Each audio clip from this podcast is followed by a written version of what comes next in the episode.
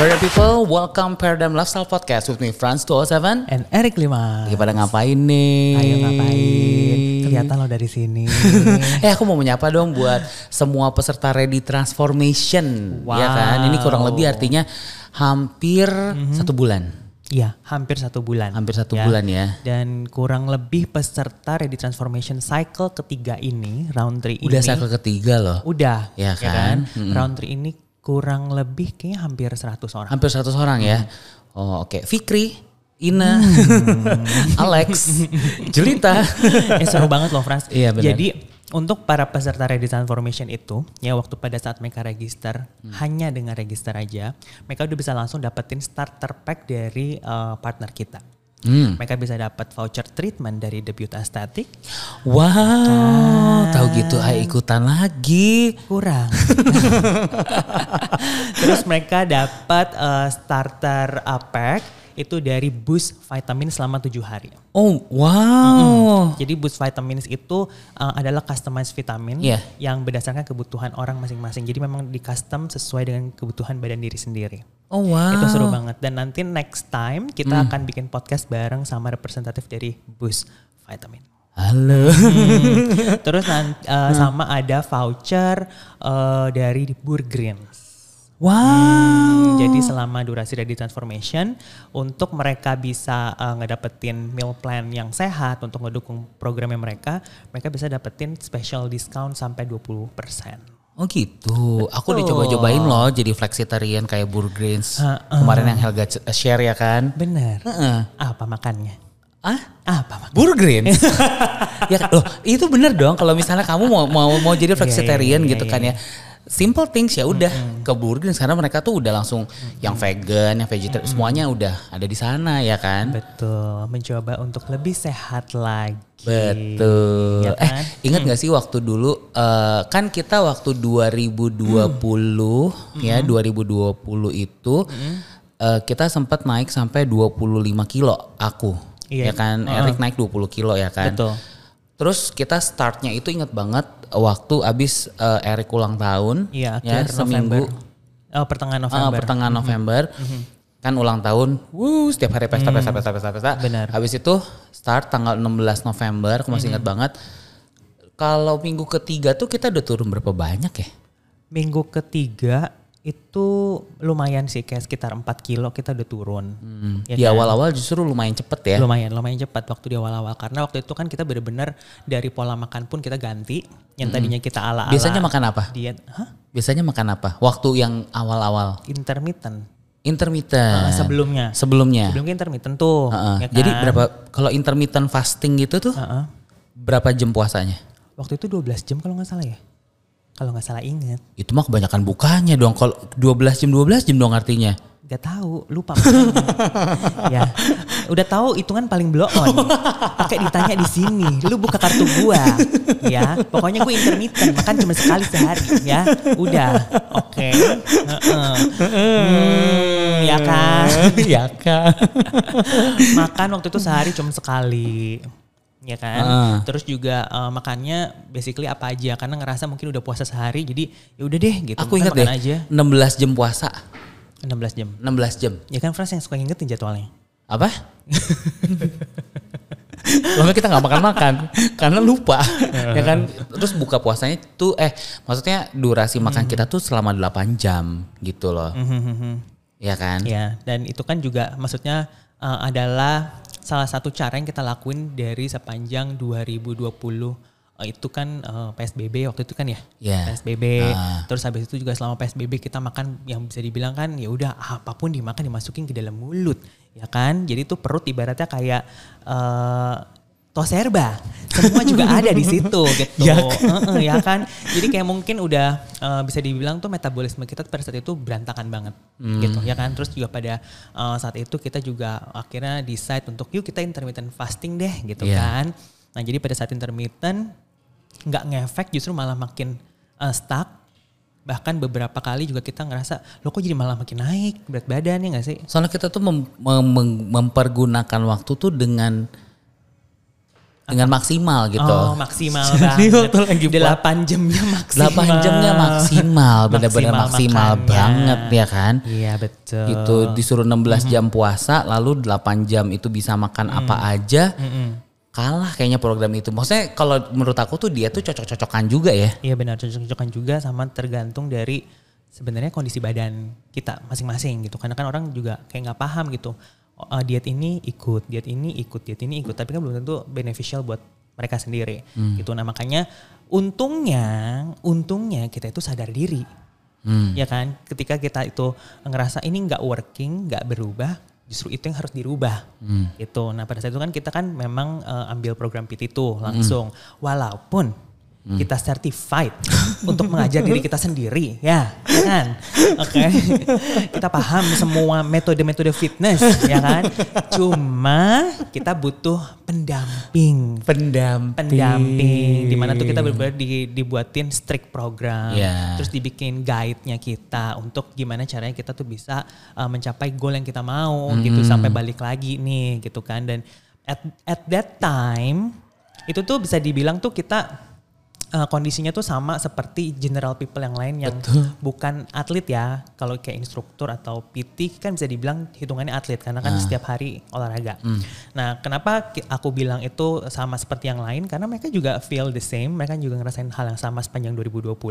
Mereka juga kebanyakan gain the weight, ya kan? Dan bener. ngerasa kayak Ya ampun, ini gimana caranya? Bagaimana caranya aku bisa kembali memiliki tubuh indah dan molek? Gimana moleknya? molek.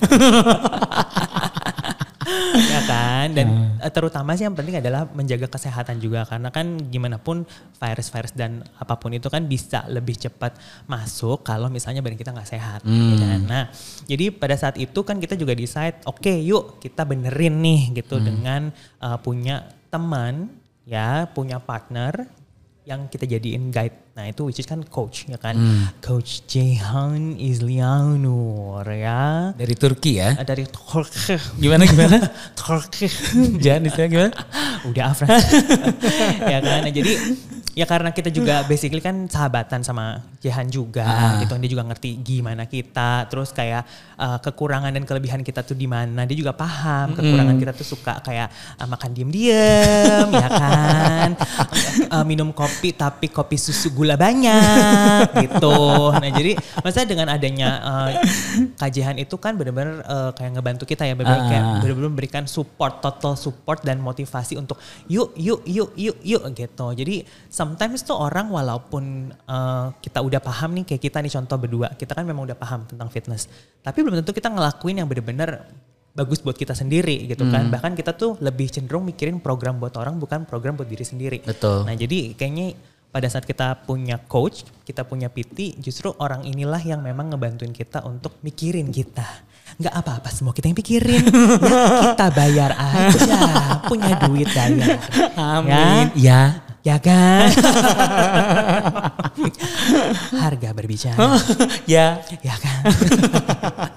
gitu. Nah jadi pada saat kita olahraga rutin reguler, makannya pun diubah. Yang tadinya intermittent, eh, malah kita makannya sehari jadinya tiga kali ya. Hmm. Sehari tiga kali, terus dengan eh, apa namanya kalori-kalori yang benar-benar terhitung dengan baik dan benar. Pagi, siang, eh, sore. Nah jadi tuh benar-benar efektif banget gitu. Karena akhirnya tuh badan kita jadi belajar sesuatu yang baru lagi. Yang pertama dari makanan, kita makan eh, hal yang mungkin eh, beda dibanding biasanya. Kalau yang biasanya apa pun masuk, yang ini sama aja. Maksudnya makannya eh, yang apa pun kita makan, cuman porsinya, ya kan. Terus kandungannya juga lebih sehat, gizinya juga lebih balance. Terus yang kedua olahraga, yang biasanya kita mungkin ngajar eh, seminggu dua kali sekali, eh, terus juga akan kita mostly ngajarnya dance, ya kan. Tapi kita ngelakuin di luar itu, kita Iya. ngelakuin uh, weightlifting, kita Iya. ngelakuin functional training yang mungkin kita jarang ngelakuin.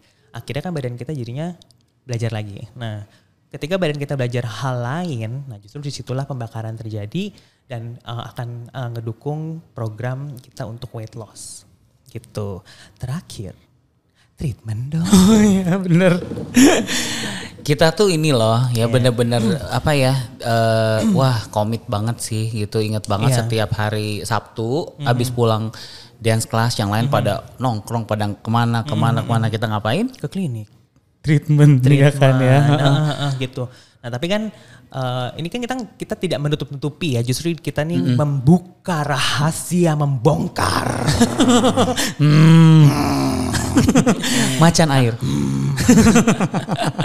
kita membongkar rahasia sukses transformasi kita berdua di ah. sini gitu. Jadi uh, makan juga diatur, terus juga olahraga, istirahat juga iya kerja juga tetap nggak pakai lemes-lemes hmm. terus juga sama treatment gitu body treatment ya kan kita ngelakuin body treatment juga pada saat itu untuk apa ya untuk benar-benar ngedukung apa yang kita lakuin gitu karena kan at the same time kita juga makannya sehat bersih sama kita juga olahraga nah sometimes orang itu suka matahin satu-satu yeah. untuk weight loss Iya. Ngerti nggak? Uh -uh. Ya jadi kayak misalkan, uh, udah deh gue mau turunin berat badan, makannya aja nih dikurangin. Uh -uh. Atau enggak gue diet aja deh tanpa olahraga.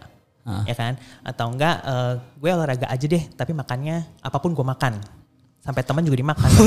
ya, ngerti gitu kadang-kadang ya. Macan, macan. gitu. Atau enggak mungkin uh, ini dia, treatment aja deh. Mm. Mm. Treatment doang deh. Yeah. Ya kan?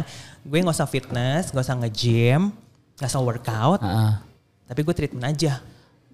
Uh, ya makan kan? bebas, jadi sambil treatment sambil makan gitu. Nah, nggak bisa. Nanti pada saat hasilnya nggak bagus, hasilnya itu nggak sesuai ekspektasi, yang disalahin siapa? Tiga poin itu. Yeah. Yang disalahin adalah makanannya, yang disalahin adalah yang bikin makanannya ini minyaknya nih banyak-banyak begini gitu kan. Terus yang disalahin gymnya, yang disalahin adalah program workoutnya, yang disalahin PT-nya. Uh yang kalau PT-nya disalahinnya gimana kalau PT-nya? Nggak ngerti nih gimana caranya, gimana gue gitu.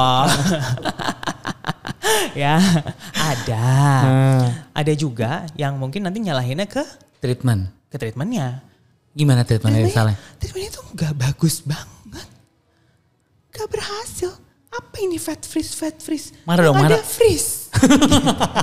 yang ada freeze ATM gue gitu kan. nah itu jadi kalau kalau nah. kita itu ngelakuin maksudnya kita udah tahu nih patternnya polanya memang cocok buat kita itu secara bertahap dilakuin dan at the same time itu dilakuin dan disesuaikan dengan kondisi badan dalam artian tuh sehat ya hmm. gitu semua sehat nih hmm. udah tes dokter segala macam tidak ada keluhan hmm. amin semua beres ya udah gitu jalanin deh bareng-bareng gitu nah itu tuh akan punya results yang bagus gitu nah jadi sebenarnya itu kunci berhasil kunci keberhasilan ya 5% itu adanya di pikiran. 5% hmm. di pikiran. 95% konsistensi. Wih. Paham maksud gue. ya. Brain itu 5%. Apa? Brain. Brain. Otak. ini aku ini ya maksudnya kayak kayak kalau nggak salah kemarin tuh sempat baca-baca dari salah satu artikel gitu loh. Uh. Tapi ya bener atau enggak ya pokoknya kurang lebih gitu. Tapi setelah dibaca oh iya juga ya gitu. Maksudnya kayak sukses itu datangnya dari otak kita hmm. sebanyak 5%. Hmm. Konsistensi itu yang bikin benar-benar sukses 95%. Hmm. Tapi memang bener kan? Bener. Pada saat kita ngejalin itu konsistensi, ya kan? berhasil, bukan? Betul. Ya kan? Ya, gitu. Ya kan? Ya kan?